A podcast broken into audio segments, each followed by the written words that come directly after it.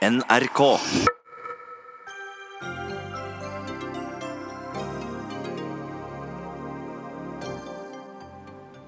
Fremskrittspartiet, SV og ikke minst Senterpartiet jubler over en fersk undersøkelse som viser at én av fire mener Norge bør reforhandle EØS-avtalen.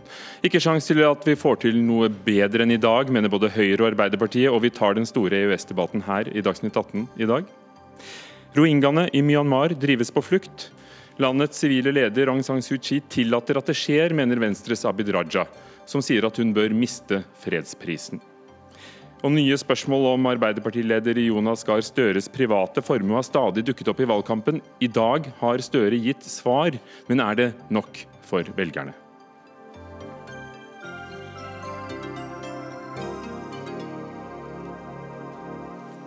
Velkommen altså til Dagsnytt 18s siste sending her fra NRKs valgstudio foran Løvebakken og Stortinget. I studio, Ugo Fermariello.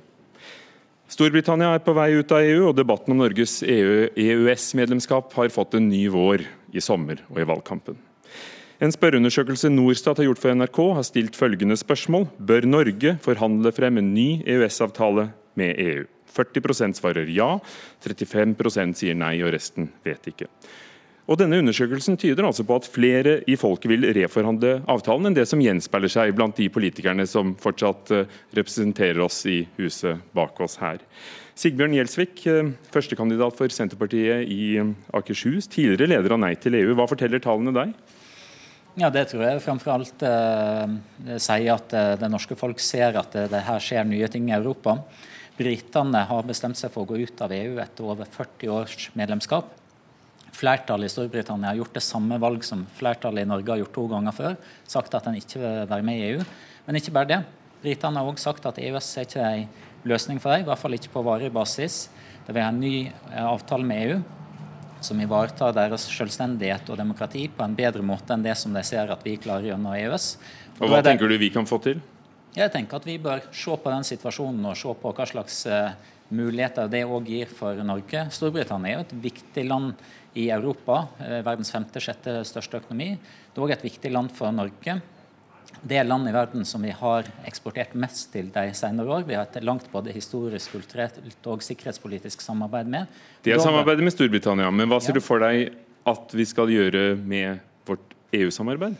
Jo, men nettopp da, når britene går ut av eh, EU, så er jo, altså I dag så har vi EØS-avtalen, som vi kunne dele med noen hundre tusen islendinger, og så først har Sadam den andre fra Liechtenstein. Mens nå går altså 65 millioner briter ut av EU. Det gir en helt ny situasjon i Europa, som vi òg bør se på hva slags muligheter det gir for å kunne skape en bedre avtale for Norge, som ikke minst ivaretar vårt demokrati på en bedre måte enn i dag. Espen Barth Eide, stortingskandidat for Arbeiderpartiet i Oslo. Partileder Jonas Gahr Støre sa i Politisk kvarter her i dette studio i forrige uke at en EØS-utredning umulig kan skade. Men hvorfor i all verden gå inn for å åpne for en kostbar utredning, hvis dere uansett mener at EØS-avtalen tjener oss vel? Det er jo alltid bra å diskutere forholdet til Europa, hvordan vi kan føre en mest mulig aktiv europapolitikk. og Det gjorde vi da også gjennom den forrige europautredningen som vi hadde da Senterpartiet, og Arbeiderpartiet og SV satt sammen i regjering. Men for Arbeiderpartiet er det veldig klart at vi ikke kommer til å røre selve EØS-avtalen. Eh, vi mener at den har tjent Norge vel, den har skapt mange norske arbeidsplasser, og den bør være eh, grunnlaget for vårt forhold til Europa. Innenfor det grunnlaget den skaper, er det rom for en mer aktiv europapolitikk. Trenger dere en stor utredning for det, eller er dette en en, en, dør som holdes på gløtt for Senterpartiet og en ny regjering? Det, det, er ikke et forslag fra Arbeiderpartiet, eh, men det er et forslag fra noen av de vi skal styre sammen med. og Vi sier at vi er ikke mot å tenke gjennom alle disse spørsmålene, fordi mye endrer seg i Europa. Ikke minst bør Norge ha en diskusjon om hvordan vi forholder oss til brexit. Det er jeg enig med Gjelsvik i. Jeg tror ikke konklusjonen på det er å endre på selve EØS-avtalen. men Brexit vil ha konsekvenser for Norge, og det er det ikke urimelig at vi også har en diskusjon om. Og med et England og Storbritannia som forlater EU, Heidi Nordby Linde, stortingsrepresentant fra Høyre, så er det kanskje på tide å, å ta en ny utredning og se på det hele? Ville du stemt for en EØS-utredning? Jeg har ikke noe problem med å stemme for en ny EØS-utredning, for dagens undersøkelse viser kanskje at det er på tide å synliggjøre enda kraftigere hva EØS-avtalen faktisk betyr for Norge. Og Nye tall fra SSB viser at vi eksporterer eh, varer til EØS-land til en verdi av 200 milliarder kroner. Hvilket betyr at det er norske arbeidsplasser over hele landet som står på spill dersom Senterpartiet får det som de vil. Så det er egentlig tre ting. For det første, EØS-avtalen har tjent oss vel de siste 25 årene på mange måter. For det andre, det er helt urealistisk å tro at Norge alene, eventuelt sammen med Liechtenstein, kommer til å få en bedre avtale enn den som er, eh, er framforhandla. Og for det tredje, som kanskje bør komme tydeligere fram, EØS-avtalen er jo en dynamisk avtale hvor vi forhandler for norske interesser hver eneste dag, med tilpasninger og, eh, og, og hvordan vi skal integrere eh, de ulike måtene og komme sånn inn i det, i det europeiske markedet på. Så Jeg tar gjerne en debatt om de tre. Da tror jeg faktisk at Senterpartiet kommer til å falle på målingene. Fordi det handler om arbeidsplasser over hele landet. Og La meg sitere administrerende direktør Geir Ove Østmark i Sjømat Norge. Det er både vanskelig å forstå og vanskelig å akseptere at et parti som profilerer seg på å ivareta distriktenes interesser, tør å sette store deler av distriktenes næringsliv på spill. Er det, er det en handel du eh, tenker på, som du tror vil eh, tjene på å ikke ha dagens EØS-avtale, eller er det rene spørsmål om medbestemmelse og demokrati? Altså når det gjelder handel, så har vi handla med EU-land lenge før vi fikk EØS-avtalen. Vi har eksempelvis hatt tollfri adgang til EU-markedet siden 1977, som er lenge før en fikk EØS. Men så er jo det noe med å se hva EØS-avtalen bringer til Norge. Da snakker du om industriproduktene igjen, og ikke, ja, industri... ikke om laksen vår f.eks.? Nei, men òg eh, hvis du ser på, eh, på lakseeksport eh, og, og på laks, så er jo Altså det er riktig det at en har hatt noe nedgang i eksport av altså bearbeida fiskeriprodukt, og at det har blitt nedlagt i, i, Norge. Men det er også produkt som har vært nulltoll på i, til EU. De produktene som har blitt nedlagt eksporten på. Men altså det som vi òg må diskutere, så Vi er opptatt av hvis vi ønsker en ny avtale med EU, at det selvsagt skal ivareta norsk næringsliv og norsk eksportretta næringsliv. Vi sier ikke opp EØS-avtalen uten å ha gode alternativ. Men her skal altså britene gå ut av EU. De har en ambisjon om å skape en ny avtale med EU som ikke har den type overstyring fra Brussel som det vi har gjennom EØS-avtalen. Og Det er jo det som skjer gjennom EØS-avtalen i dag på stadig nye områder så blir vi altså overstyrt i Norge, ikke minst innenfor arbeidslivsområdet, der òg norsk høyesterett har blitt overstyrt. sånn at det å få en ny avtale som bl.a. sikrer at norske tariffavtaler, norsk arbeidslivslovgivning står over EU-lovgivning i Norge, er et viktig mål for Norge. Men her, er, vi, er vi overstyrt? Her er vi inne på et veldig viktig poeng. fordi jeg tror at Mye av grunnen til at så mange nå sier i en undersøkelse at de vil ha reforhandling, er uttrykk for en frustrasjon med noe litt annet enn EØS som sådan nemlig med hvordan det står til på mange norske arbeidsplasser hvor det er en trussel om sosial dumping. Det at det har kommet mange nye arbeidsinnvandrere eh, til Norge gjennom EØS, har ført til at eh, organisasjonsgraden har gått ned, og det har blitt en del ugreie forhold på mange norske arbeidsplasser. Det må vi løse ved norsk politikk. Eh, fordi EØS-avtalen er en ikke-diskrimineringsavtale. Det er ingenting der som hindrer oss i å ha strenge regler for eh, f.eks. Eh, faste kontrakter, til å legge begrensninger og enda forby innleie i byggebransjen, som Tyskland har gjort, som er helt kompatibelt med EU. For, sørge for at hovedreglene er faste, lange kontrakter, lønn mellom oppdrag f.eks. Dette vil Arbeiderpartiet ta tak i fordi vi ønsker å hindre motvirke de skyggevirkningene som er kommet fordi det er kommet mange nye arbeidstakere til landet. Og Det kan vi gjøre mens vi beholder EØS-avtalen. Og Det er der norsk arbeidsmiljølovgivning og praksis vi må sette inn hovedskytset nå. Harald Tom Nesvik, stortingsrepresentant fra Fremskrittspartiet, du er med oss fra Ålesund. Vil eh, Fremskrittspartiet utrede EØS-avtalen, eller har du instrumenter nok? Fremskrittspartiet mener EØS-avtalen har tjent Norge godt. og EØS-avtalen må være det bærende elementet knytta til handel med Europa. Men det er helt åpenbart at eh, det er grunn til å se på deler av EØS-avtalen. og Man må prøve å få på plass en dialog med andre land innenfor EU-systemet for å få endra bl.a. det som har med grensekontroll å gjøre, som er svært viktig i tida som kommer. Når vi bl.a. så hvordan Schengen brøt sammen, så må Norge og andre land kunne iverksette tiltak på mer permanent basis enn disse seks måneders eh, eh tinga som vi kunne gjøre nå i, i den situasjonen. Blir ikke det et spørsmål om å være med i Schengen-samarbeidet, og ikke et spørsmål om EØS-avtalen vår? Nei, men jeg sier at uh, grensekontrollbiten er jo også en del av disse tingene, fordi at det vil skape problemer knytta til den frie ferdselen uh, mellom landene. Uh, men når det gjelder bl.a. det som har med eksport av velferdsytelser, så det er helt meningsløst at vi har et system der bl.a. man kan sitte i Polen uten å ha vært i Norge i det hele tatt, familien til dem som jobber her, og motta engangsstønad, som er to ganger en årslønn i Polen. Videre at man kan ha kontantstøtte, barnetrygd osv., som er beregna ut ifra norske kostnader. Det er det fullt ut mulig å sette i gang en dialog på for å få gjort noe med. Men det er helt åpenbart at vi trenger en avtale som sikrer tilgang for norske varer til Europa. og Der har EØS-avtalen vært viktig.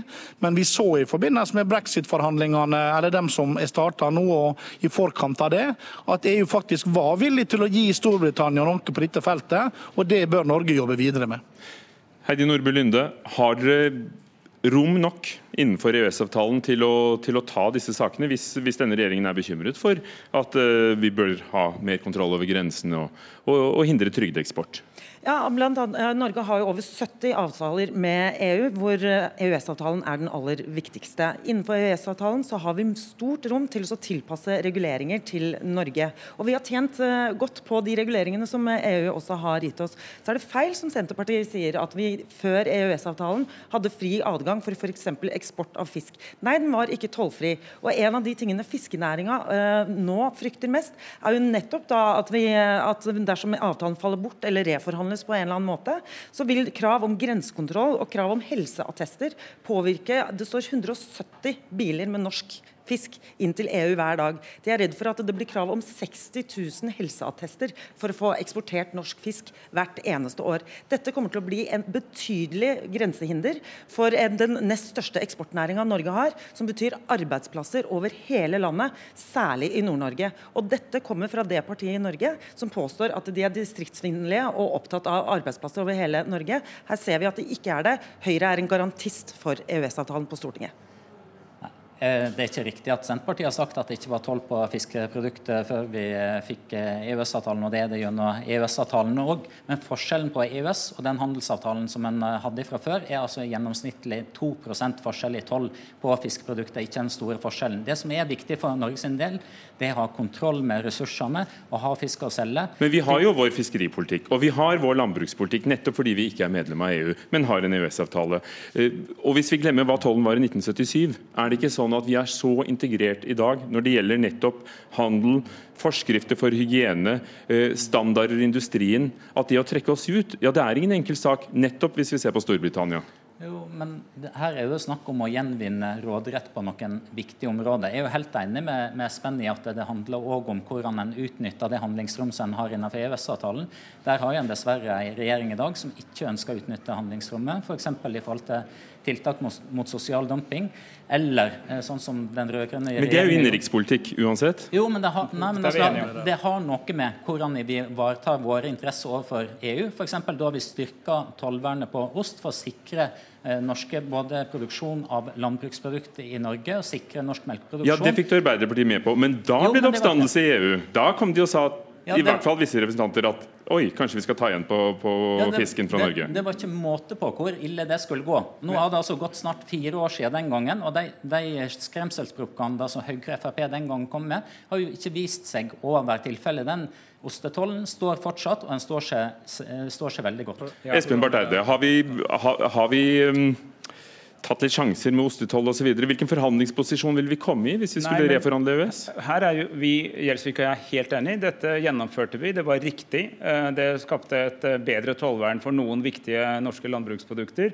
Og tollen står der ennå etter fire år med Frp og Høyre i regjering. De har ikke tatt den vekk. Og de, de påståtte sanksjonene fra EU kom jo ikke. Eh, det er fordi at dette var innenfor det handlingsrommet vi faktisk har med EU. Så den saken viser jo nettopp det som er mitt poeng, at det er mulig å føre en mer aktiv europapolitikk uten at man reforhandler selve avtalen. Og så har jeg veldig lyst til å si at jeg kan vanskelig tenke meg noe mindre gunstig tidspunkt enn akkurat nå i å komme til EU, som er nå veldig presset for dette med brexit. Eh, og så si at Forresten så vil også lille Norge, så hvor stort ting går ganske, ting går ganske godt, eh, skal også ha noen særrettigheter. Eh, jeg tror sympatien for det vil bli veldig liten, og jeg kan vanskelig tenke meg noe dårligere tidspunkt å starte den debatten på.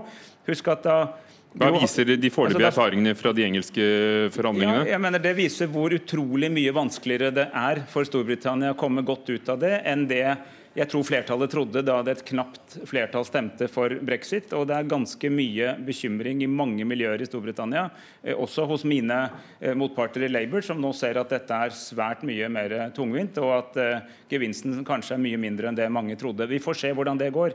Men jeg tror nå er det lurt at vi ivaretar norske interesser ved å identifisere hva brexit betyr for oss, men ikke åpne en ny front mot Brussel. Nesvik, når dere sier, jeg hører, du, jeg hører du vil inn fra Ålesund når dere sier at dere vil åpne for å se på visse deler. Er du ikke med på å, å, å så litt usikkerhet rundt denne EØS-avtalen, som jo betyr nettopp mye for norsk handel?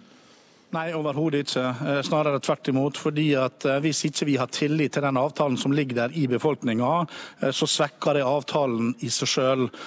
Vi vet at det norske folk er opptatt av disse tingene, og da må vi prøve å gjøre det. Og Det så man også i forbindelse med forhandlingene, eller i det man utløste artikkel 50 om at britene skulle ut av EU.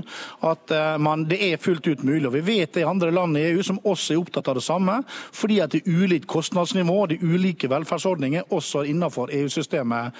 Og det er også helt klart at Når, når britene med over 60 millioner innbyggere forlater EU, ja da er det ikke noen grunn til at vi skal betale fortsatt det høye bidraget vi gjør inn til, til EØS-området, eller til EU, altså. som vi gjør.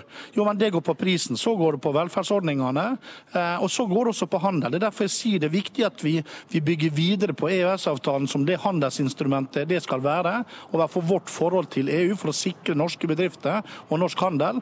Eh, og så er det helt åpenbart når man snakker om toll. Ja, jeg skrev hovedoppgave på begynnelsen av 90-tallet om tollbarrierene for fiskeri inn til EU. Og Det er helt klart at det var skyhøye toll, eh, tollmurer for å komme inn i det systemet den gangen, hvis du bearbeider produktene dine. Men vi er nødt til å gjøre noe med enkeltelementer av avtalen, uten at vi setter selve avtalen på spill. Espen Bartheide, er 3,6 milliarder kroner i året som skal koste frem til 2021, det er det vi har forhandlet nå. 391 millioner euro, 3,6 milliarder kroner. Er det dyrt eller billig? Altså, vi får jo da adgang til det indre marked med 500 eh, millioner mennesker. og Det gir mange gevinster over hele landet. Arbeidsplasser, investeringsmuligheter inn og ut av Norge. Det er bra. Og Hvis vi hadde vært et vanlig medlemsland i EU, hadde vi betalt en kontingent som var høyere enn det. Dette mener jeg er, det er rimelig at vi også tar vår del av ansvaret for å drifte dette systemet. Gjelsvik, dyrt eller billig? 3,6 milliarder i året? Altså EØS skulle jo være en handelsavtale som skulle gi gjensidig nytte. og Da er det helt feil at den ene part skal betale milliarder av kroner hvert år. Men langt viktigere er jo konsekvensene for det norske demokratiet, der vi på stadig nye områder blir overstyrt fra EU. Det gjelder innenfor distriktspolitikk, det gjelder i forhold til ivaretakelse av arbeidstakerrettigheter.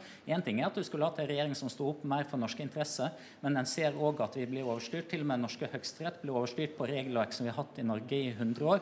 Da må vi se om etter nye avtaler, og brexit gir en god mulighet til å gjøre nettopp den. Heidi Nordby Lunde, EØS er jo noe mer eh, i dag enn det var i 1994, da, da, folk begynte å kunne reise og overføre et eh, sertifikat fra Norge til eh, Storbritannia eller omvendt. Det har blitt så mye mer. Tror du at Stortinget hadde stemt for datalagringsdirektivet, som vi diskuterte opp og ned av mente, hvis det ikke var for at at EØS kom og ville ha det? Nei, og Datalagringsdirektivet er jo et veldig godt eksempel på et sted hvor Norge kunne ha, og burde, i min mening, men ikke mitt partis mening, ha lagt ned veto fordi det ikke er EØS-relevant på handel, bl.a. Men 3,6 milliarder kroner som inngangspris for at norske fylker faktisk da eksporterer for 200 milliarder er en, eh, en, pris som jeg er villig til å betale, vi, eh, som vi kan forhandle. Og Når vi snakker om demokratiunderskuddet til EU, eh, e så er jeg helt enig med Senterpartiet. Jeg mener at det er utfordringer at vi står utenfor og ikke kan påvirke i politiske prosesser som vi ville ha kunnet påvirket enda mer dersom vi sto innenfor. Men svaret på det er jo ikke mindre EU eller mindre EØS-avtale. Det er jo fullt medlemskap i EU, som Høyre nå er det eneste partiet som har programfestet. Jo, men Problemet med utstillinga er jo at eh, er 31.3.2019 så blir det markedet vi, vi forhandla om inngangsprisen til på litt over 3 milliarder kroner, eh, det blir faktisk 60 millioner innbyggere mindre mindre. og Da må jo ting stå i stil til at markedet faktisk minker med 60 millioner innbyggere. Men, men dette, dette, er det jo ingen som er uenige om. Det er klart at Et EU med et land mindre er et annerledes EU enn det var. og Selvfølgelig må det bli en tilpasning til det. Vi må også se hvor Storbritannia da, da ender opp. i den, Men det er jo ikke en reforhandling av selve avtalen, det er en tilpasning til at EU selv har endret seg. Og den prisen forhandles en gang iblant. Gjelsvik. Ja. Men, men altså, heldigvis så har ikke Høyre noensinne fått gjennomslag eh, for sitt mål om EU-medlemskap. Da vil vi òg ha blitt overstyrt innenfor landbrukspolitikk, fiskeripolitikk Overstyrt ja. eller fått medbestemmelse? Vi ville blitt overstyrt. Vi ville hatt ca. 1% av befolkninga i EU. Vi ville hatt svært liten mulighet til å, til å påvirke der. Men det som vi har òg problemer gjennom EØS-avtalen i dag, som ikke er en del av den demokratiske prosessen i EU. Men det er jo at du har et overvåkingsorgan og domstol som overstyrer på stadig nye områder. Også. Gjelsvik og Barth Eide, er jo det at eh, Senterpartiet ser ut til å kunne gjøre det bra i valget. Eh, hvis dere skulle jobbet sammen om en regjering, vil dette bli et stridstema? Men det, dette har det var et ja- eller nei-spørsmål? Nei, altså vi, ha, vi, har ulike syn på deler av dette.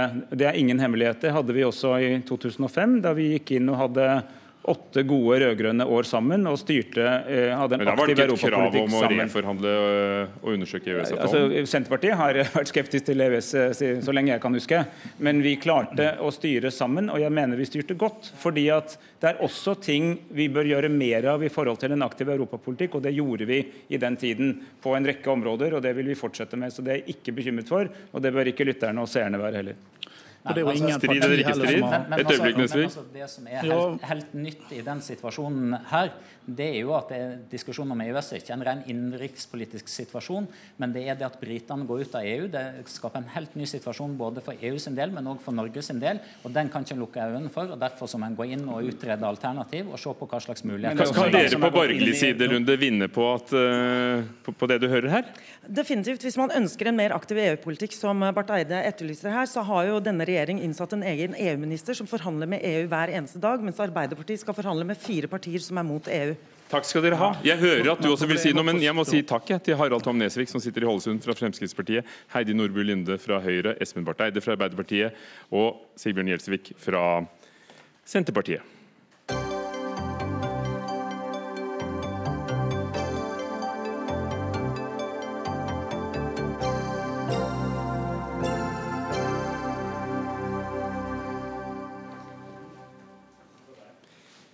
Verdens eh, venstre stortingsrepresentant Abid Raja tar til orde for at Myanmars sivile leder Aung San Suu Kyi bør bli fratatt Nobels fredspris, som hun fikk i 1991. 164 000 fra den etniske og muslimske gruppen rohingyaene er drevet på flukt, mange av dem over til Bangladesh og i usikre flyktningleirer. Det er tall fra FN, og i dag tar eh, Suu Kyi til motmæle mot kritikken og sier at regjeringen arbeider for å bedre forholdene deres. Stein Tønneson, seniorforsker ved Fredsforskningsinstituttet PRIO. Du har reist ofte til Myanmar, kjenner landet godt. Hvor ille for å begynne der, er rohingyaenes situasjon nå? Helt forferdelig. De har hatt det ille lenge. Det begynte for alvor den siste fasen av det grusomhetene mot dem i 2012. Da mange ble fordrevet fra sine boliger. Ca. 130 000 har levd i leirer siden da. I 2015 begynte de å flykte på havet. Så ble den muligheten stengt forholdene i leirene er blitt forbedret. Og Så kom den internasjonale kritikken, og Aung San Suu Kyi nedsatte en kommisjon under Kofi Annan som skulle foreslå forbedringer. Men dens forslag kom nå dagen før det terrorangrepet som ble iverksatt av rohingya-gerilja den 25.8. For der er jo regjeringens svar at her bedriver de terrorvirksomhet. Vi må ta, må ta, den trusselen på alvor, eh, og at det er begrenset hva hun kunne gjøre på de 18 månedene hun har ledet den sivile regjeringen. Og så vet vi at militæret har mye av makten i landet. Ja, Hun sitter i en veldig vanskelig situasjon, i et skikkelig dilemma. Fordi hun sitter med ansvaret som den folkevalgte i 2015, men uten egentlig å ha makten. Så når, Veldig lenge så forholdt rohingya-befolkningen seg veldig rolig. De hadde ingen militære angrep av noen art. Det var først i 2016 at dette skjedde. I oktober 2016 så var det denne Arakan eh, Rohingya Salvation Army kom til og begynte å rette angrep mot sikkerhetsstyrkene. Og Da kom det umiddelbart en voldsom bølge av represalier fra hærens side. Den som står bak dette, og som har ansvaret for det, det er general Min Aung Hlaing, som sitter og bestemmer over alt på sikkerhetsområdet. Aung San Suu Kyi har ingen makt over hva hæren gjør. Hæren styrer sine egne budsjetter.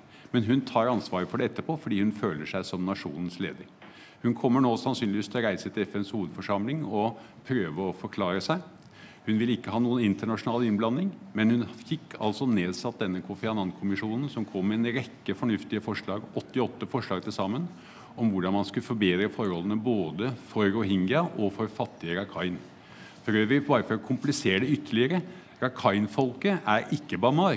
Rakhine-folket er buddhister, og de er flertallet i Rakhine-staten. De har også sin opprørshær, og den har drept flere sikkerhetsstyrker enn rohingya-hæren.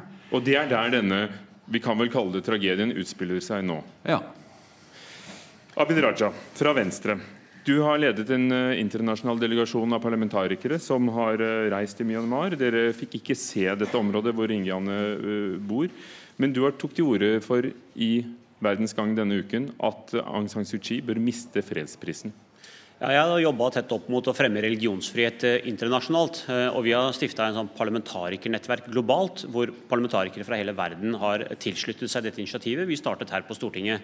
Og En av de som er tilsluttet, er jo nettopp en borger fra Myanmar. Eller han var borger. Han satt i deres storting, parlament. Inntil eh, han ble fratatt statsborgerskapet, og nå også er eh, fratatt muligheten til å reise inn til landet. Dette er situasjonen. Det startet jo vårt arbeid mot dette, eh, og vi reiste til Myanmar i fjor fra seks kontinent, parlamentarikere, møtte myndighetene der i håp om at situasjonen skulle bli bedre. Vi fikk jo blandede signaler. Dels at de fornektet å forholde seg til terminologien rohingya, noe som jo også nettopp Suu Kyi sjøl gjør. Hun vil jo ikke bruke den terminologien vil jo ikke vedkjenne seg at gruppen eksisterer eller har en egenart eller egen betydning. Det, jeg skal ikke sammenligne dette med noe urbefolkning i Norge, for det vil være feil. for det vil Mange internasjonale eksperter komme og si det er feil sammenligning. Men allikevel, for å sette det i en kontekst, det er som om altså, Norge skulle la være å vedkjenne seg samenes eksistens, eller vi skulle frata uh, Helga uh, uh, altså Pedersen statsborgerskapet og få henne ut av landet og sagt at de, dere har ingenting her å gjøre. Og hvis i tillegg da gått inn og massakrert befolkningen, brent landsbyene Vi vet ikke alt som har skjedd der inne, fordi at folk utenfra slipper ikke inn. Og så eh, skal vi altså eh, fortsatt stå ved at eh, Norge har gitt inn prisen. Hun fortjente virkelig prisen den gangen hun fikk det, men nå under hennes ledelse så skjer det altså brutale menneskerettighetsbrudd. Jeg, men spørsmålet er, genocide. Ja, og da er spørsmålet, skal vi, og da er spørsmålet er, skal vi virkelig skal vi virkelig stå ved at ethvert brudd på internasjonal folkerett, ethvert brudd på menneskeheten, uansett hvor brutal forbrytelse som du er leder av en stat for, så skal vi altså, prisen skal aldri kunne trekkes tilbake. Det mener jeg svekker prisens omdømme. At uansett hvilke forbrytelser du til syvende og sist da er øverste ansvarlig leder for Abid Raja. Mm er hun øverste ansvarlig leder? Det her er det jo laget en ganske skjør konstruksjon for å få landet på fote. Ja, skape den freden jo, er... hvor, hvor, det militære står uh, for uh, ja, det, det, er et veldig godt spørsmål. Ja, da, jeg kjenner til dette at Hæren har 25% i parlamentet osv. Og, så videre, og, og det er ikke hun som styrer Hæren. Men vet du hva hun har? Hun er allikevel altså statens mor. Hun har allikevel den største autoriteten i landet. Hun har allikevel en stemme. Og Istedenfor å bruke den stemmen til å si jeg anerkjenner rohingya-befolkningen, jeg ser overgrepene, og disse må stanses, så sier hun dette er Vestens skyld, dette er propaganda, dette er fake news. Og da tenker jeg, vet du hva, da skammer jeg meg litt. Hun vi æret med den prisen på så flott måte. Og når hun sier dette, så tenker jeg dette er dypt skuffende å høre fra en som har vunnet fredsprisen, eller fått fredsprisen. Berit Reiss-Andersen, leder av Den norske nobelkomité. Vil det vært mulig for å begynne der å trekke en fredspris tilbake? Svar på det er nei. Eh, for det første så har jeg ikke lyst til å polemisere mot Abid Rajas engasjement for rohingya-folket. Det er et fint engasjement. Eh, og det er en eh, forferdelig humanitær situasjon nå for rohingya-folket. Og det er en komplisert politisk situasjon i Myanmar. Men jeg er invitert her nettopp for å svare på dette med Nobelprisen. Det er jo ikke Norge som har gitt Aung San Suu Kyi Nobelprisen. Men det er dere? Det er Den norske Nobelkomité. Og vi har en oppgave som springer ut av Alfred Nobels testament. Og det er å tildele prisen til den som i det foregående år har gitt det beste bidrag til fred. Det, eh, Aung San Suu Kyi ble kåret eh, til det i 1991, nettopp for sin rolle som frihetskjemper i Myanmar og mot militærdiktaturet. Og vi har ikke mandat til, og det er ikke vår oppgave, å vurdere hva nobelprisvinnere gjør etter at de har vunnet prisen. Og La oss bare forfølge den tanken litt. Eh, vi gjør en veldig grundig jobb når vi velger en prisvinner. Vi bruker et år på å analysere og forstå ulike kandidater. Eh, og vi, eh, man kan nesten ikke forestille seg at vi skulle ha en tilsvarende oppmerksomhet og fokus og analyse på tidligere prisvinnere. Det ville altså være helt utenfor vårt mandat, utenfor vår kapasitet. Og vi har én lojalitet, og det er til de testamentsvilkårene som Alfred Nobel innstiftet. Og Abid Raja, du, du, vet jo egentlig at det forholder seg sånn at at Nobelkomiteen kan ikke trekke tilbake en pris? Er det mer en ja, symbolmarkering for deg? Eh, ja, både, jeg vil både si, altså Det er ikke slik at det eksplisitt fremgår at man ikke har anledning til å gjøre det. og Det er ikke slik at man eksplisitt ikke kan lage lignende eh, vilkår for å faktisk gå i gang med det. Det tror jeg de har anledning til å gjøre hvis de virkelig setter seg i førersetet for å nettopp gjøre det. Og det var min, testamentet hans, da? Han er jo, men, men for å si det sånn, testamentet til Nobel, vet du hva det, det går på? Det er at du skal redde menneskeheten. Ikke bidra til å, eh, til å slakte menneskene. Og når hun med sin autoritet vet du hva det hun gjør? Når den øverste lederen, politiske lederen i landet sier vet du hva, det foregår ikke noe folkemord her. Eh, rohingyaene eksisterer ikke. Vet du hva hun sier? Indirekte så gir hun jo militære fullmakt til å fortsette. For det de hører. Landets øverste autoritet har vendt ansiktet vekk fra problemet. Hun vedkjenner seg ikke engang problemet. Ergo har vi blankofullmakt til å fortsette. I dag, da, skjønner, I dag har hun sagt bare, altså, bare, for å, bare, for å, avslutte, jeg, jeg, forstår at det å trekke tilbake fredsprisen ikke kommer til å bli en løsning i Myanmar. Men jeg mener det ville være å tatt et moralsk og etisk sterkt standpunkt fra Nobelkomiteen. Og jeg mener i dag, med dagens virkelighet og nyhetene Du trenger ikke å gjøre research på et år. Her står nyhetene rett foran deg. Man kunne tatt det standpunktet. Det ville vært det etisk riktige å gjøre, og i tråd med Nobels testament også. Reis Andersen, kunne man det? Nei, Med all respekt å melde så er dette tøv. For det vårt mandat er ikke å være løpende kommentatorer til ulike, uh, ulike politiske uh, konflikter. Uh, vårt mandat er å finne å tildele en pris og finne en prisvinner. Og du har en utrolig frirettslig eh, fortolkning av hva som er testamentsvilkår. Til tross for at du vet bedre som advokat. Dere er jo jurister begge to her. Han vet bedre som advokat. Tror du, sånn, Dette er et politisk gimmick, og jeg, jeg har full respekt for, for, for Hvis du sier at du er enig i at hun ikke gjør nok, og hvis du sier at vet du hva, eh, hvis man ser på hans intensjon med, med selve fredsprisen Dagens eh, San kunne aldri fått den prisen. Så sier det, så er jeg faktisk ganske i mål, jeg. Da er jeg fornøyd med det. Kan du si det? Nei, det kan jeg ikke si. Fordi hun fikk prisen i 1991. Og jeg har verken noe mandat eller fullmakt til å vurdere om hun ville fått prisen i dag. Og det er med all respekt Men du kan iallfall fordømme handlingen. Det er, det er med all respekt å melde Men vil du ikke fordømme det som skjer i dag? Hvorfor skal en leder av en nobelkomité som har et bredt mandat, gå inn i én spesifikk konflikt? Jo, men altså, hun er, eh, altså, et, et øyeblikk. Hun er, ja, men Du stiller jo meg spørsmålet, ikke sant? så da kan ikke jeg vente et øyeblikk. Da må jeg, jo svare. da må jeg svare. Altså, jeg, du har jo en fremskutt rolle i samfunnet. Du ser hva som skjer der. Jeg tror Hvis du hadde sagt at vet du, det som skjer i Myanmar, det er fullstendig uakseptabelt, og det at hun vender ansiktet bort, det er moralsk uh, uakseptabelt, så mener jeg at det ville vært en klar signal fra, fra deg. Det hadde jeg håpet. Det kunne du i hvert fall si. Ja, Men jeg er ikke invitert her som meg. Jeg kan også ha synspunkter på det som skjer med rohingya-folket, og det som skjer i Myanmar. Myanmar er annet Eh, verdens, en av verdens mest korrupte stater. Det er også noe man i og for seg kunne si at man kunne gjøre statslederen oppmerksom på. Men du som leder av som Nobelkomiteen så har jeg ett oppdrag, og det er å bidra til å finne en verdig kandidat til årets fredspris 2017. For å se på situasjonen i dag. Audun Ågerø, leder Det norske Burma-komité, som det jo heter i og med at landet tidligere het Burma, Myanmar. Du reiste dit i går, er med på telefon. Hvilke muligheter har Aung San Suu Kyi til å skape ro i dag? Hun har altså vært og uttalt seg i dag og sagt at vi har ikke hatt så mange muligheter, vi har bare hatt 18 måneder på oss. Hvilke muligheter har hun politisk når militæret kontrollerer så mye som de gjør? Ja, det, det, er det verste tenkelige scenarioet som har skjedd. At militante rohingya-grupperinger gikk til angrep dagen etter at denne rapporten kom på banen. Eh, og denne Rapporten var var på en måte eh, en slags vei videre for å finne en politisk løsning. Og Det er helt riktig som Stein Tønneson sier, altså at militæret har fullt ansvar og autonomi for sikkerhetspolitikken. Og Det betyr også at det er hærsjefen som har det fulle og hele ansvaret for de drapene som har skjedd. Det som er regjeringens ansvar, er å stake ut en politisk kurs.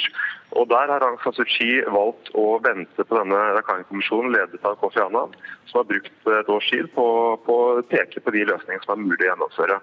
Og Så skulle man nå gå i gang med, med dette arbeidet, og så eksploderer dette her under føttene på regjeringen. Eh, og Det er tragisk, eh, og det blir mye vanskeligere nå for eh, Aung San Suu Kyi å, få igjen disse endringer. endringene som i realiteten handler om retten til statsborgerskap, som er en av hovedkonklusjonene i rapporten, hvor dagens statsborgerlover deler inn befolkningen i to kategorier. første klasse og andre klasse, og selvfølgelig de som ikke har statsborgerskap i det hele tatt. Så det Aung San Suu Kyi er nødt til å gjøre nå, er å gjennomføre disse endringene. Jeg mener at handlinger er viktigere enn ord i politikken, men dersom uh, Aung San Suu Kyi feiler med begge deler, så er det en politisk fallitt som, som, vil ende opp i en økt militarisering av denne konflikten. og Det, det vet vi hvordan går. Det militære uh, har en mangeårig historie med, med, med brutalitet i Iran. Audun Ågre, eh, nå har eh, dette pågått i, en to ukers tid. Eh, FN fordømmer situasjonen, paven har vært ute, Leger uten grenser, hjelpeorganisasjonene sier de har vært nektet fra, fra å jobbe.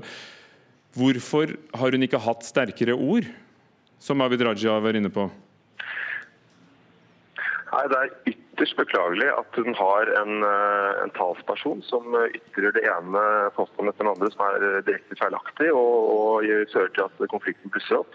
Bl.a. hvor hun linker, eh, eller hvor denne talspersonen, som har militær bakgrunn og også jobbet for den forrige presidenten, eh, klarer å si at, at denne terrororganisasjonen er knyttet til internasjonale hjelpeorganisasjoner og setter, setter hele den humanitære bistanden i, i fare. Så det er klart, som sagt, hun hun kunne gått eh, klarere ut eh, i denne saken, helt åpenbart. Men du skal også vite at eh, debatten her i Burma er diametralt motsatt enn hva man sitter og diskuterer nå i studio. Hvor man mener at Aung San Suu Kyi går altfor langt i å støtte muslimene. Det er, det er, vanskelig for oss å forstå, kanskje, men, men, det er realitetene. Det er en økt nasjonalistisk bevegelse som angriper regjeringen. Det er hæren som motarbeider regjeringen direkte.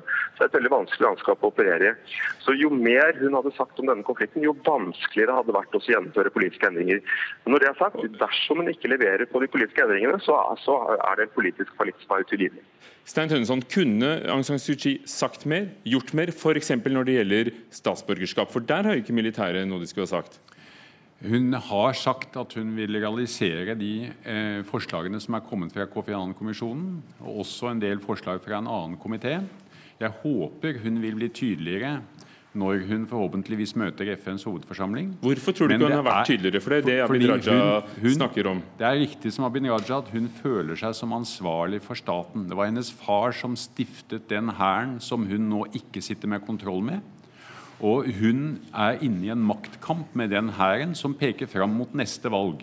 Samtidig er det dessverre veldig sterke antimuslimske holdninger i Bamar-befolkningen og Rakhine-befolkningen i Myanmar som hun også er klar over.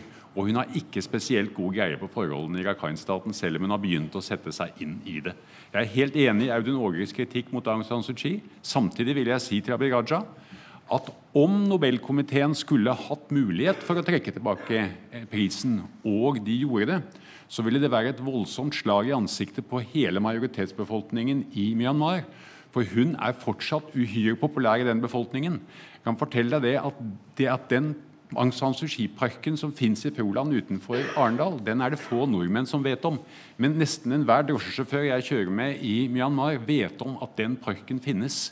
Så Det ville bare polarisere forholdene ytterligere. Det det gjelder om nå, det er å forsøke å komme inn i et spor igjen hvor man kan forsone de gruppene som står mot hverandre, og også legge en demper på den internasjonale kampanjen som pågår nå mot Aung San Suu Kyi. Altså det veldig... For det begynte jo nå med terror Ja, og det, det, groteske angrepene som kom fra den gruppa sjøl, det må vi ta fullstendig avstand fra. Men svaret da kan ikke være å gå inn og slakte små barn, nyfødte barn, små unger. Brenne de levende, lemleste de, voldta elleveåringer. Og så kommer altså eh, staten og sier nei, dette er fake news, ingen har blitt voldtatt. Det kan ikke være forholdet. Og da må vi stå opp for visse verdier, og det er kun det jeg oppfordrer til. Stein Tønneson, kort som fredsforsker. hvor mye stemmer disse rapportene vi får? For det, det har jo vært usikkerhet om, om, om, hva som har skjedd og ikke skjedd. Det er ofte usikre tall, og det finnes også falske opplysninger. Men det finnes også tilstrekkelig riktige opplysninger til at vi vet at Hæren har gjort grusomme overgrep. Vi har sett satellittbilder av alle landsbyene som brenner. Det er helt forferdelig det Hæren har foretatt seg mot rohingya-befolkningen. Takk skal dere ha. Stein Tønneson fra Fredsforskningsinstituttet, Abid Raja fra Venstre, Berit Reiss-Andersen, leder av Den norske Nobelkomité, og Audun Ågerø fra Burma-komiteen, med oss fra Myanmar.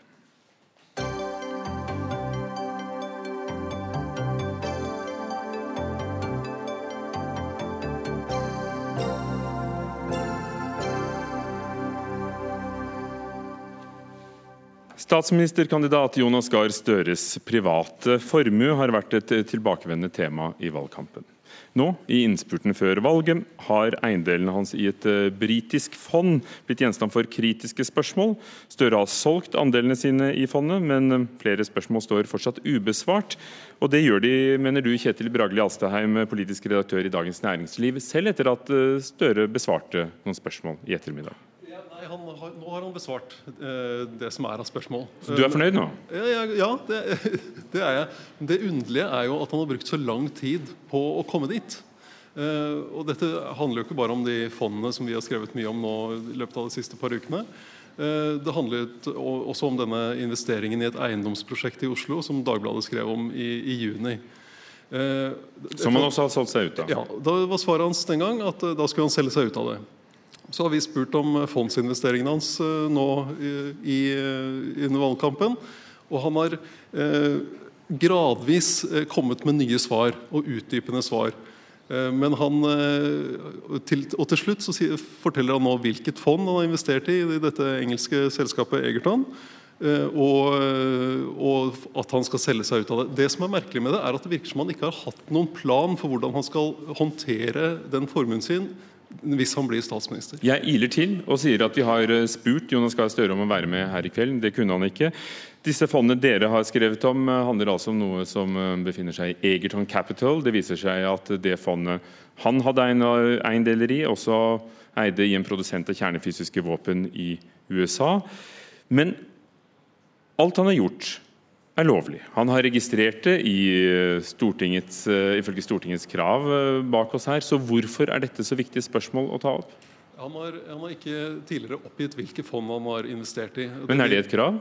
Det vi har spurt om, er om han har investert fra, i fond som følger det samme etiske standarden som oljefondet følger. Og grunnen til at vi har spurt om det, er jo at han har vært aktiv for å stramme inn de etiske reglene til oljefondet. Eh, så var det dette ene fondet eh, som han sa at eh, ikke hadde den type regler, men der han fortalte først at han hadde sett på listen over investeringer, og det så greit ut. Og Så kommer han nå og forteller hvilket fond det er. Og det viser seg at det er et fond som har investert i et amerikansk atomvåpen, en amerikansk atomvåpenprodusent. Eh, og nå sier han at det visste han ikke. Så det er noe med hvordan svarene her også eh, endrer seg eh, etter hvert som det kommer nye opplysninger. Som, og det er ikke særlig tillitvekkende. Hege Ulstein, kommentator i Dagsavisen. Mener du det har vært problematisk at Arbeiderpartilederen, statsministerkandidaten deres, har hatt eiendeler i, i dette fondet?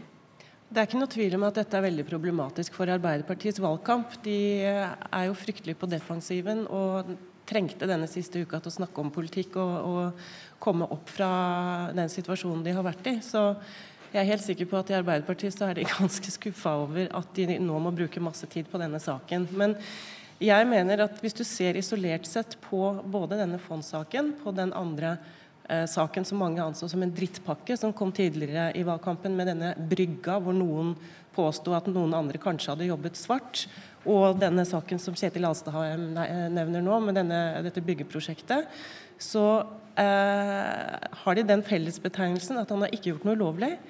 han har kanskje eh, vært litt klønete i at han burde vært tydeligere tidligere på å si eh, hvor pengene hans var plassert. Eh, og så har de også det til felles at de minner velgerne på at Støre har ganske mye penger og er velstående, litt utypisk for en Arbeiderpartileder. Så jeg har ikke noe grunnlag for å si at dette er noe drittpakke eller, eh, eller, noen ting i den retning i det hele tatt, men dramaturgien og underteksten i alle disse sakene og måten de kommer nå rett før valget, er jo eh, ganske slitsom for Arbeiderpartiet, tror jeg. Berit Aalborg Jeg må nesten kommentere ja. rett på det. for det, Jeg er enig i at den Brygge-saken som var tidligere, eh, den var, der fortjente Støre ikke kritikk. Da sto jeg i dette studio, da var det Politisk kvarter, eh, og, og kommenterte den saken.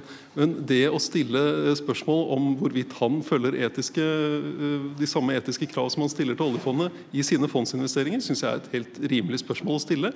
Og Så kan man diskutere om er det et, et rimelig krav til ham, altså burde han gjøre det eller ikke. Det vil det være ulike syn. Berit Aalborg, hva gjør det med forholdet mellom eh, Støre og velgerne? Jeg tror for det første vil jeg si at det er et betimelig spørsmål å stille et sånn eh, type spørsmål om han, eh, han, eh, hvor han har plassert pengene sine, om han bruker de samme etiske reglene som, som, han ellers ville gjort hvis han satt i regjering og skulle investere de samme pengene. Men jeg tror at dette faktisk kan gå to veier.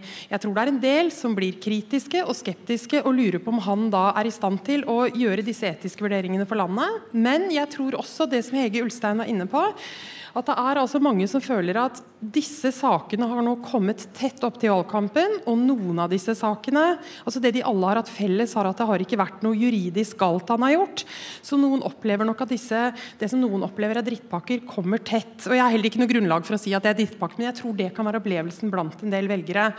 Og Da blir det nesten en følelse av at kanskje media går litt sånn på klappjakt etter Støre. Så Det er den andre biten av det. Så jeg tror det kan slå begge veier, faktisk.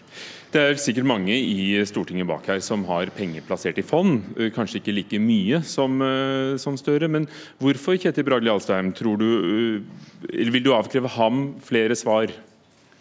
Vi har, vi har fått, nå har vi fått svar på de spørsmålene vi har stilt. Det, jeg vil ikke altså, Mange har penger i fond, også de som sitter der inne. Men det er jo veldig få som har så mye penger i fond som det Støre har av de som sitter på Stortinget. Eh, vi har stilt ham spørsmål om hva slags etiske krav eh, han investerer etter. Eh, og det, det, det, vil være ulike vurderinger av om det er bør han følge oljefondets standarder eller ikke. Men hans eget svar er at hvis han blir statsminister, så skal han følge oljefondets etiske standard. Og, da, og Det syns jeg også er litt merkelig. Hvorfor mener han at det er viktig når han blir statsminister? Hvorfor var det ikke viktig når han var, er Arbeiderpartileder? Eh, og, det, og, tilbake til starten der egentlig, Hvorfor har han ikke ordnet opp i dette tidligere? Han har visst i over tre år at han kom til å kjempe på mandag om å bli statsminister i Norge. Mener du at det er interessekonflikter ved å ha hatt disse fondene eller byggeprosjektene? Nei, jeg tror ja, Byggeprosjektet er problematisk. Fond er jo stort sett en ganske ryddig måte å plassere penger på. For du får en armlengdes avstand, og du, får, du er ikke direkte involvert i hvilke uh, selskaper uh, du investerer i. Så det, det tror jeg den strategien han nå er kommet frem til, om å investere i brede fond som følger eh, en etisk standard, tror jeg er det som kan fungere mens, hvis han blir statsminister. Ja, nå skal vi ikke granske hjerter og nyrer hos Støre, han er ikke her. og Han kan jo sikkert svare for seg selv. Men, uh, men, men uh, for meg så ser det ut som han har tenkt at dette har vært relativt uproblematisk, og at han har vært opptatt nettopp av å ha en armlengdes avtale til disse investeringene. Nettopp for å ikke komme i, i rollevanskeligheter. ikke sant? Og så kan man være enig i at han burde jo ha gått ut av det på en helt annen måte i det øyeblikket han ble Arbeiderpartileder og dermed per definisjon statsministerkandidat. Men men jeg tror nok sett fra hans ståsted så, så, handler dette om at han har hatt en ganske sånn tydelig sperre mot disse investeringene og prøvd å ha dem i normale fond. Og så, og så har han kanskje ikke eh, vurdert riktig. Da, og dette var jo da et arvet fond. Så gransket vi litt likevel. Eiendomsprosjektet jo, viser jo at han ikke har hatt de sperrene. Han var jo inne i eiendomsprosjektet så sent som i juni. Nok om fond, nok om penger, nå om politisk flørt. Berit Aalborg, du er da altså politisk redaktør i Vårt Land, og dere har en nyhet i dag. Kristelig Folkeparti har aldri lukket døren til Støre, men nå sier Knut Arild Hareide, partilederen, at eh, de ikke vil være med på å felle en Solberg-regjering etter valget. Og han vil heller ikke ha noen samarbeidsavtale med en Solberg-regjering etter valget. Ja, Hva, hva sier KrF til velgerne sine med dette utspillet? Vil ikke felle regjeringen, men vil ikke samarbeide om en ny. Og aller først vil jeg si at Han har heller ikke lovet at den regjeringen skal sitte hele perioden. så Det er også en bit av det som faktisk er en ganske sentral bit av dette, av dette budskapet til, til, Hareide. Jeg tror at han er ute etter å altså KrF har hatt et dypt problematisk forhold til Frp. Han er ute etter å lukke den døra på den ene sida. Men så har han da pekt hele valgkampen på at det er Erna Solberg han vil ha som statsminister. Og da vil ikke KrF gå inn og uh, felle henne selv om hun jobber med, sammen med, med Frp i regjering. Men det som jeg tror er interessant med dette utspillet, det er hva som kommer til å skje i løpet av det året. For det fins altså, hvis de borgerlige vinner valget, så fins det ingen samarbeidsplattform. Og i hvert fall KrF kommer til å sitte i en ren opposisjonsposisjon. Og regjeringen har... kan jo da sitte, Det er ikke noe automatikk at den skal gå av? Nei, vi har jo ikke et sånt system i Norge hvor du må, må, må på en måte be om å få sitte. Du, du, sitter til noen sier at det er ikke et flertall her. Så Det er jo den posisjonen nå KrF tar. ikke sant? At De sier at de vil ikke felle henne. Men de har heller ikke lovt å holde henne ved makt. Eh, videre i fireårsperioden hvis hun fortsetter å sitte med Frp, og hvis de gjør ting KrF ikke kan leve med. Så Det er jo en, det er en situasjon som kan bli ganske krevende for, for Erna Solberg. fordi at Hun må forholde seg til en mye tydeligere opposisjon enn hun har hatt mulighet til å gjøre i denne fireårsperioden. Men vil Kristelig Folkeparti-velgerne være fornøyd med utspillet, tror du?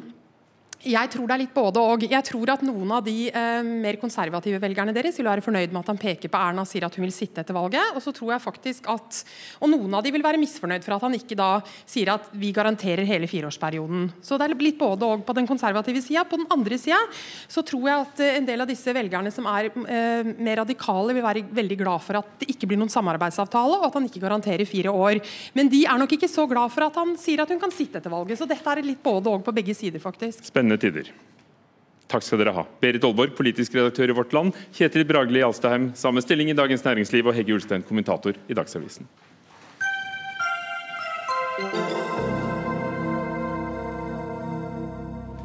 Først var det ja til å utrede å legge et giftig avfallsdeponi til Brevik i Telemark, til store protester fra lokalbefolkningen.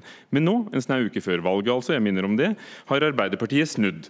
Statsministerkandidaten Jonas Gahr Støre garanterer at de ikke kommer til å legge et nasjonalt deponi for farlig avfall til Breivik, eh, Brevik unnskyld, eller noe annet sted der befolkningen ikke vil. Nikolai Astrup, parlamentarisk nestleder i Høyre. Dette har vært en sak det har vært mye strid og engasjement rundt. Det handler om å plassere giftig avfall i fremtiden.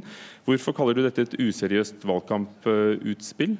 Det er jo ikke avgjort ennå, denne saken? Nei, det er ikke avgjort, og det er viktig å understreke at også vi vil jo avvente konsekvensutredningen før vi fatter en beslutning om hvor deponi skal ligge. Men saken er den at Norge er forpliktet til å ha et deponi for å eh, deponere farlig avfall som eh, oppstår i Norge. Eh, og Langøya, som vi bruker i dag, vil være fullt i 2022. Eh, og det er tusenvis av industriarbeidsplasser i Norge som er avhengig av at vi finner løsninger for deponi etter 2022. Eh, og vi har hatt en grundig og lang prosess med dette, som Arbeiderpartiet har støttet hele veien. Eh, hvor vi har identifisert mulige lokasjoner. Vi har kommet ned til to. Vi konsekvensutreder begge. Ingen beslutning er tatt. Og så kommer altså Arbeiderpartiet en snau uke før valget og kortslutter den prosessen. Og sier at det er uaktuelt å etablere et deponi hvis lokalbefolkningen ikke er for. Og det er klart at Dette setter industriarbeidsplasser i fare. Dette bryter med internasjonale konvensjoner.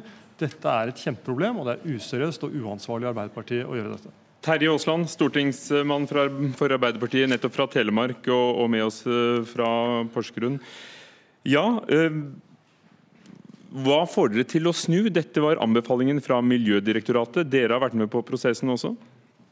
Nei, Arbeiderpartiet har ikke snudd i denne saken. Arbeiderpartiet har vært kritisk til at staten går inn og pålegger noen å foreta en konsekvensutredning. Og vi har stilt en rekke spørsmål ved det. Og Vi har vært også opptatt av at regjeringen kunne avklare dette spørsmålet forholdsvis tidlig. Det har, det har da regjeringen ikke, valgt å ikke gjøre. Det syns jeg er litt uh, beklagelig. Men la det være helt tydelig. Arbeiderpartiet, vi skal sikre industriens behov for uh, deponi. Men vi må samtidig nå begynne å jobbe ordentlig med å redusere avfallsmengden. Det er god miljøpolitikk, men det er også god industripolitikk. Men Vil du rekke det Terje Aasland, til det, dagens deponi er fullt? Norsk Industri sier at det er 140 bedrifter som trenger å bli kvitt avfallet. Dette var den faglige anbefalingen, og dere har heller ikke kommet med noe, noe sånt utspill som dette før nå. Hvorfor har det tatt så lang tid? Nei, altså, det har ikke tatt lang tid, det Arbeiderpartiet vårt. Vi har vært stilt en rekke spørsmål ved det som regjeringen har foretatt seg i dette, dette spørsmålet. Nå er vi tydelige. Eh, Jonas var ute allerede i juli og sa at en tvangsløsning er ingen løsning. Arbeiderpartiet ønsker ikke å tvinge et deponi for farlig avfall på et lokalsamfunn. Og i en situasjon også hvor, hvor eh, en egentlig deponerer avfall under husene til folk. Så det Vi har sagt, vi vil ha en grundig plan for videre håndtering av farlig avfall i Norge. Det vil vi gjennomføre hvis vi vinner valget. Og Da er det noen elementer i det. For det første så er det vi vil sikre industriens deponibehov. Det vil Men vi må altså. gjøre det på en slik måte at det, er ikke til, altså at det ikke er til en unødig belastning for befolkningen. Og Så må vi sette i gang med en nasjonal strategi for håndtering av farlig avfall, der målet er å faktisk redusere deponibehovet. Og Det engasjementet har jeg ikke sett fra regjeringen på noe område.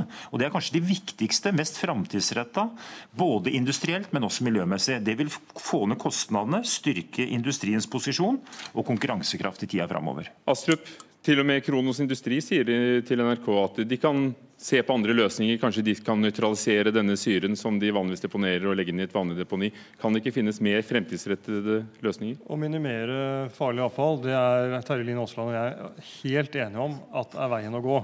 Men selv om vi minimerer farlig avfall, så kommer det fortsatt til å være behov for å ha et deponi i Norge etter 2022. Og jeg har oppfattet at uh, Industri Energi, LO og uh, Norsk Industri var veldig tydelig i går på at det Arbeiderpartiet her er direkte uansvarlig. Men det som er interessant er at selv Terje Lien Aasland sa 31.07. til Telemarksavisa at det var, ville vært sitat, direkte uansvarlig å konkludere før, før uh, konsekvensutredningen lå på bordet.